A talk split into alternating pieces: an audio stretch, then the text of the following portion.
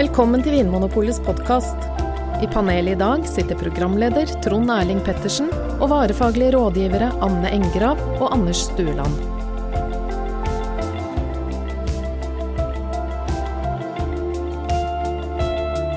Hallo og velkommen til Vinmonopolets podkast igjen. I studio i dag sitter jeg, som er en 1983-årgang. Anne Engrav, hvilken årgang er du? 77. Ja. Og Arnt Egil Nordlien, senior produktsjef i Vinmonopolet, hvilken årgang er du? Den verste av dem alle. Oi, 1972. oi, oi, oi. Ja. Og eh, grunnen til at jeg spør, er jo selvfølgelig at vi i dag skal snakke om eh, årganger i vin. og årgangstabeller eh, skal vi snakke litt om. Og eh, hva som er viktigst for om en vin blir god, om det er årgangen eller produsenten. Og grunnen til at vi skal snakke om det, er en e-post fra en eh, fornøyd lytter som heter Frode Sørbø. Han har begynt å bygge seg opp en liten vinkjeller og er nysgjerrig på det her med årganger. Hvordan kan jeg vite når en årgang er best? Når skal jeg åpne en vin fra en konkret årgang? Når er det etter fem år, ti år, 15 år, 20 år? Hvordan kan jeg finne troverdig informasjon om, eh, om hvor god en årgang er? Lurer Frode på. Eh, hvordan lager vi Vinmonopolet årgangstabellene våre? Og eh, altså, er det råmaterialet, årgangen, som er viktigst, eller er det produsenten som lager vinen? Så det tenkte jeg vi skulle prøve å svare litt på i dag. Um, kanskje vi skal begynne med det siste, litt mer sånn filosofiske spørsmålet. Uh, mennesket eller naturen? Hva tenker du, Arnt Egil? Er det um, årgangen eller produsenten som er viktigst for uh, hvordan en vin lukter og smaker? Eh, til syvende og sist så er det det som er i flaska som er viktigst. Ja, Eh, the proof is in the eh, pudding, som det heter på engelsk. Men eh, igjen så er det det, det, det vil jeg si avhenger litt av området også. Det, Mm. det, det gjør det. Ja. Enkelte steder så er årgang mer viktig, helt klart. Mm. Eh, Det, årgangsvin er jo et sånt begrep som kanskje brukes litt feil iblant, for de aller fleste vinene på Vinmonopolet har jo en årgang. De kommer fra et spesielt år. Eh, Druene er høsta en spesiell høst, eller eh, vår, som vi kaller det, hvis det er på den sydlige halvkule. Så sjøl mange bag-in-box-viner har jo en- er jo fra én konkret årgang. Eh, Men det er kanskje mest sånn dyr lagringsvin folk er opptatt av når det gjelder årgangstabeller og, eh, og liksom om en årgang er god eller ikke. Og jeg skjønner ut fra spørsmålet til Frode her også at det er det han er mest opptatt av. Så jeg tror vi skal holde oss i liksom det litt høyere kvalitetssjiktet her, da. Um, han sier jo her, Frode, de dyktige produsentene klarer å lage gode viner nesten uansett, mens middelmådige produsenter bare klarer det i gode årganger, sier Frode at han har fått inntrykk av. Er, det noe i det? Ja, altså Kanskje de, særlig de områdene hvor, eh, hvor eh, de klimatiske forholdene gjør det slik at årgangsvariasjonene er litt mindre. eh, Så, så, så, så, kan nok det i stor grad stemme. Mm. Og da snakker vi kanskje særlig de litt varmere områdene. Så, så, så er det nok ofte slik at de gode produsentene de lager god vin hvert år. Og de eh, som ikke er fullt så gode, de eh, produserer den samme kvaliteten eh, hvert år. Snakker du da om eh, altså vinland utenfor Europa, det som kalles den nye verden? California, Eh, Australia osv., eller gjelder det europeiske områder? Eh, Jeg innbefatter nok Europa også i, i, i den beskrivelsen, ja. Ja. Absolutt. Den sørlige delen av Europa. Og jeg vil jo også si at kanskje dette i stor grad har vært eh, litt eh, sånn man har tenkt, kanskje i Italia spesielt. Eh, Det har også litt andre årsaker. I Italia har det jo vært veldig stor vinproduksjon.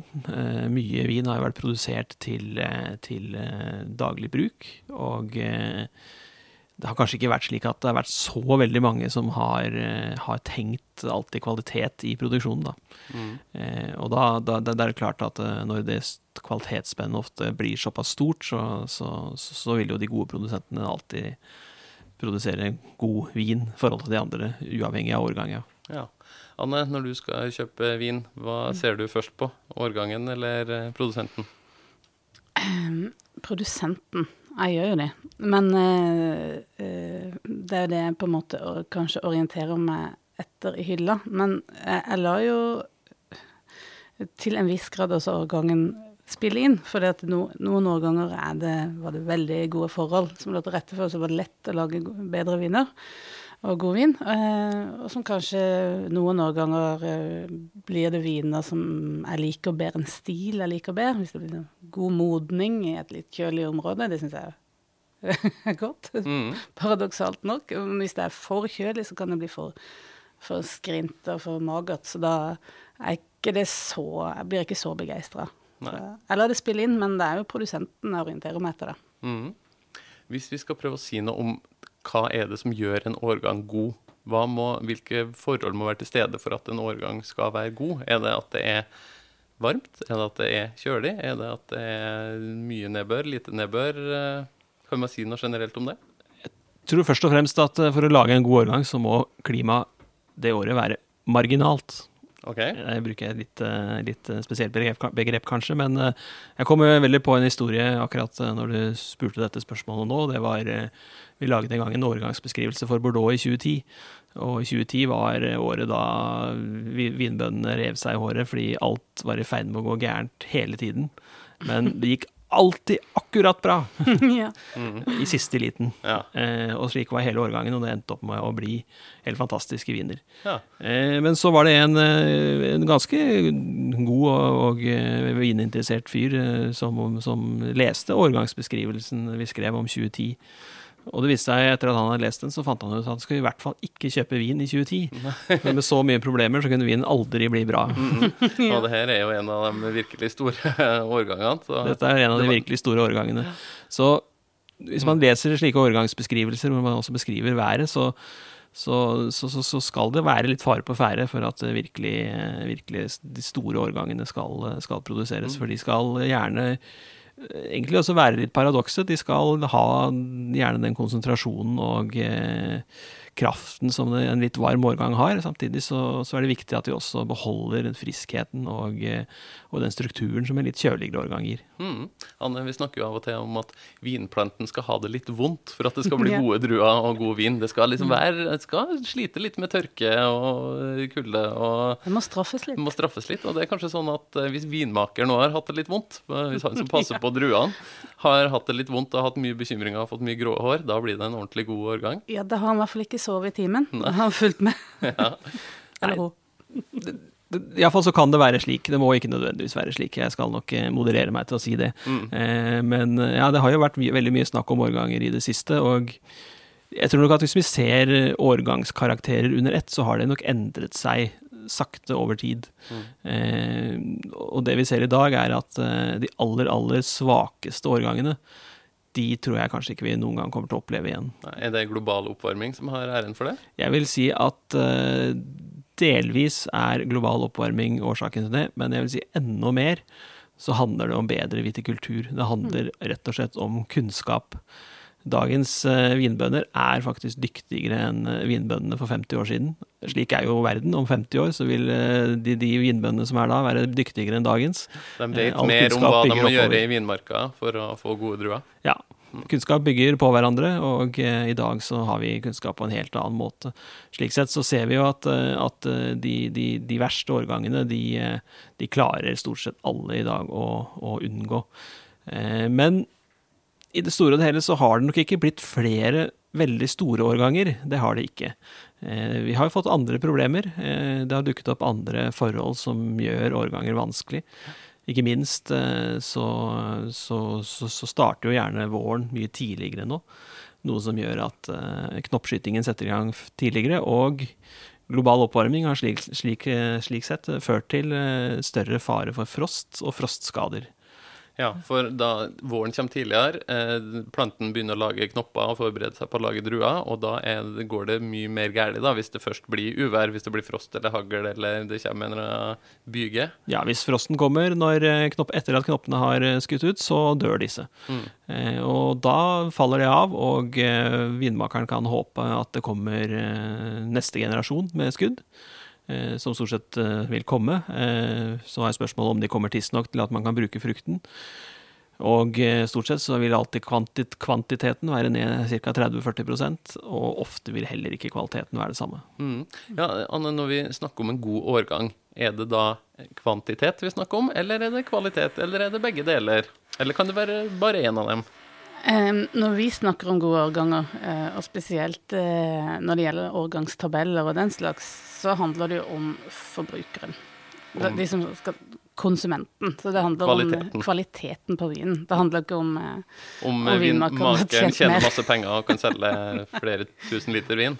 Ja, nei, det handler om kvalitet i, i vinen, helt klart. Og mm. det kan være veldig lav kvantitet, og det kan være god kvantitet. Og mm. det er ikke nødvendigvis slik at uh, lavere kvantitet gir høyere kvalitet heller. Mm.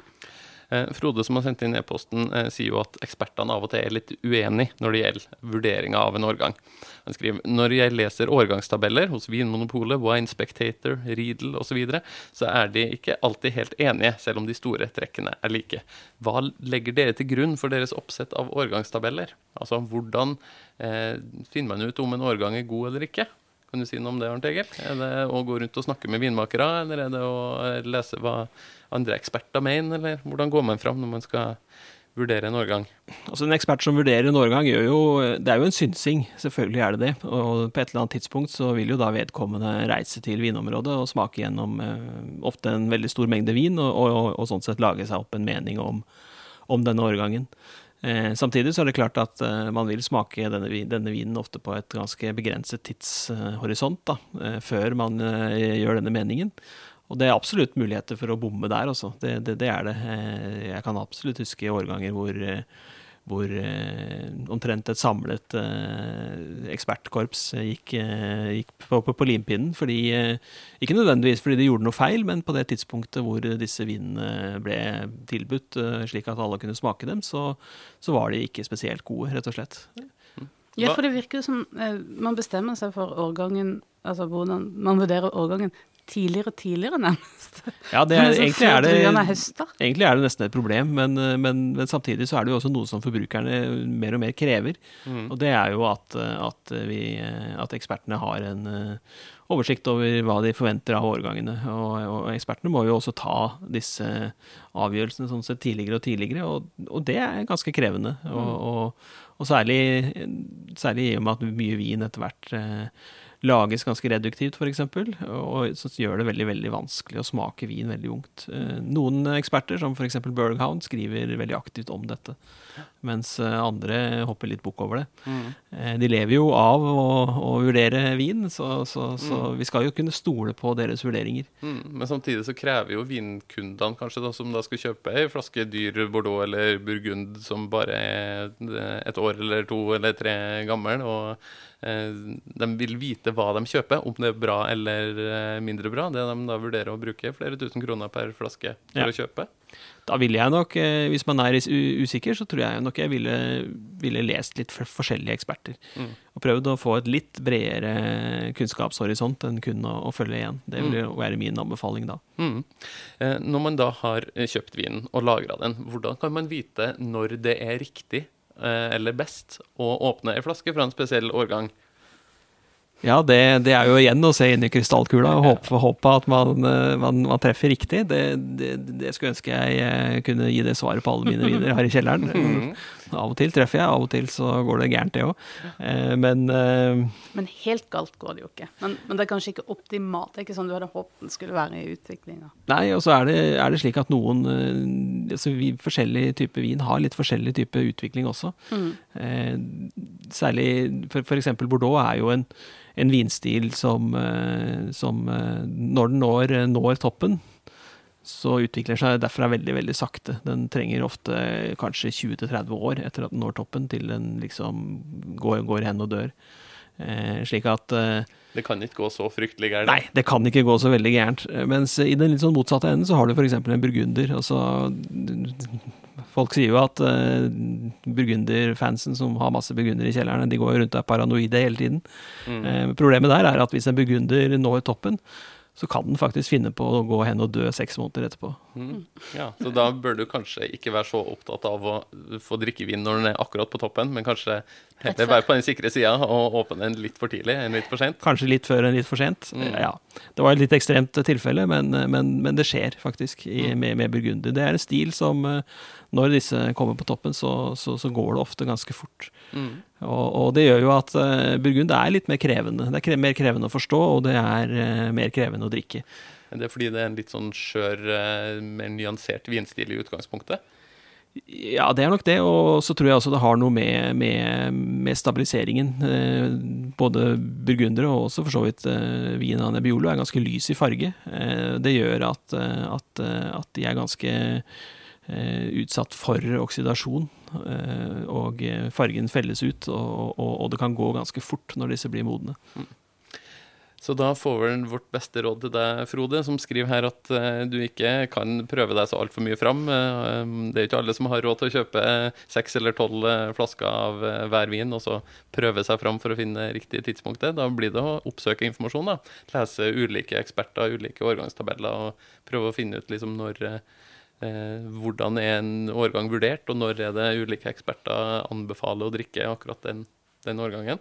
Det er lurt. Samtidig så tenker jeg jo også at uh, ganske mange produsenter lager jo også etter hvert uh, litt rimeligere vin. Mm. Uh, så, så, hvis man f.eks. kjøper en toppvin som koster ganske mye penger i en årgang, så kan det også være et poeng å kanskje prøve å kjøpe et par flasker av en f.eks. en Lange Nebbiolo eller en, en, tilsvarende vin i samme årgang som er litt rimeligere. Ja, en litt enklere vin som ja. er lik i stil, samme årgang, men for ja. å få en sånn indikasjon da, på hvordan toppvinen har, ja, og har å drikke disse i løpet av de neste par-tre årene og tenke seg til at uh, Se litt hvordan utviklingen er. Og så mm. vil, må man jo da se for seg at utviklingen i toppvinen går eh, vesentlig seinere, eller noe seinere enn dette, da. Mm. Ja, og så heller for tidlig enn for seint. Ja. Det er så kjipt når den er ødelagt, ja. hvis den har ligget for lenge. Hvis man sparer og sparer og sparer til man kanskje ikke lever lenger. Mm.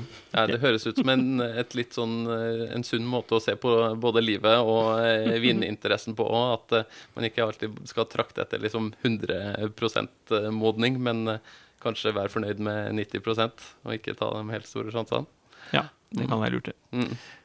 Supert. Da håper jeg at Frode har fått svar på sine spørsmål om årganger. Og så eh, vi håpe at vi lagrer i mange år til. I hvert fall lenge nok til at du som hører på, snart skal få høre oss igjen i Vinmonopolet sin podkast. Arnt Egil Nordlien, tusen takk for at du var med oss for å svare på ett av dine mange ekspertområder. Hyggelig at jeg fikk komme. Eh, og du som hører på, er det noe du lurer på, gjør som Frode og send en e-post til podkast.vinmonopolet.no. Ha det bra. Takk for at du hører på Vinmonopolets podkast. Har du forslag til et tema i podkasten? Send mail til podkast at vinmonopolet.no. I tillegg svarer kundesenteret deg på e-post, chat og telefon.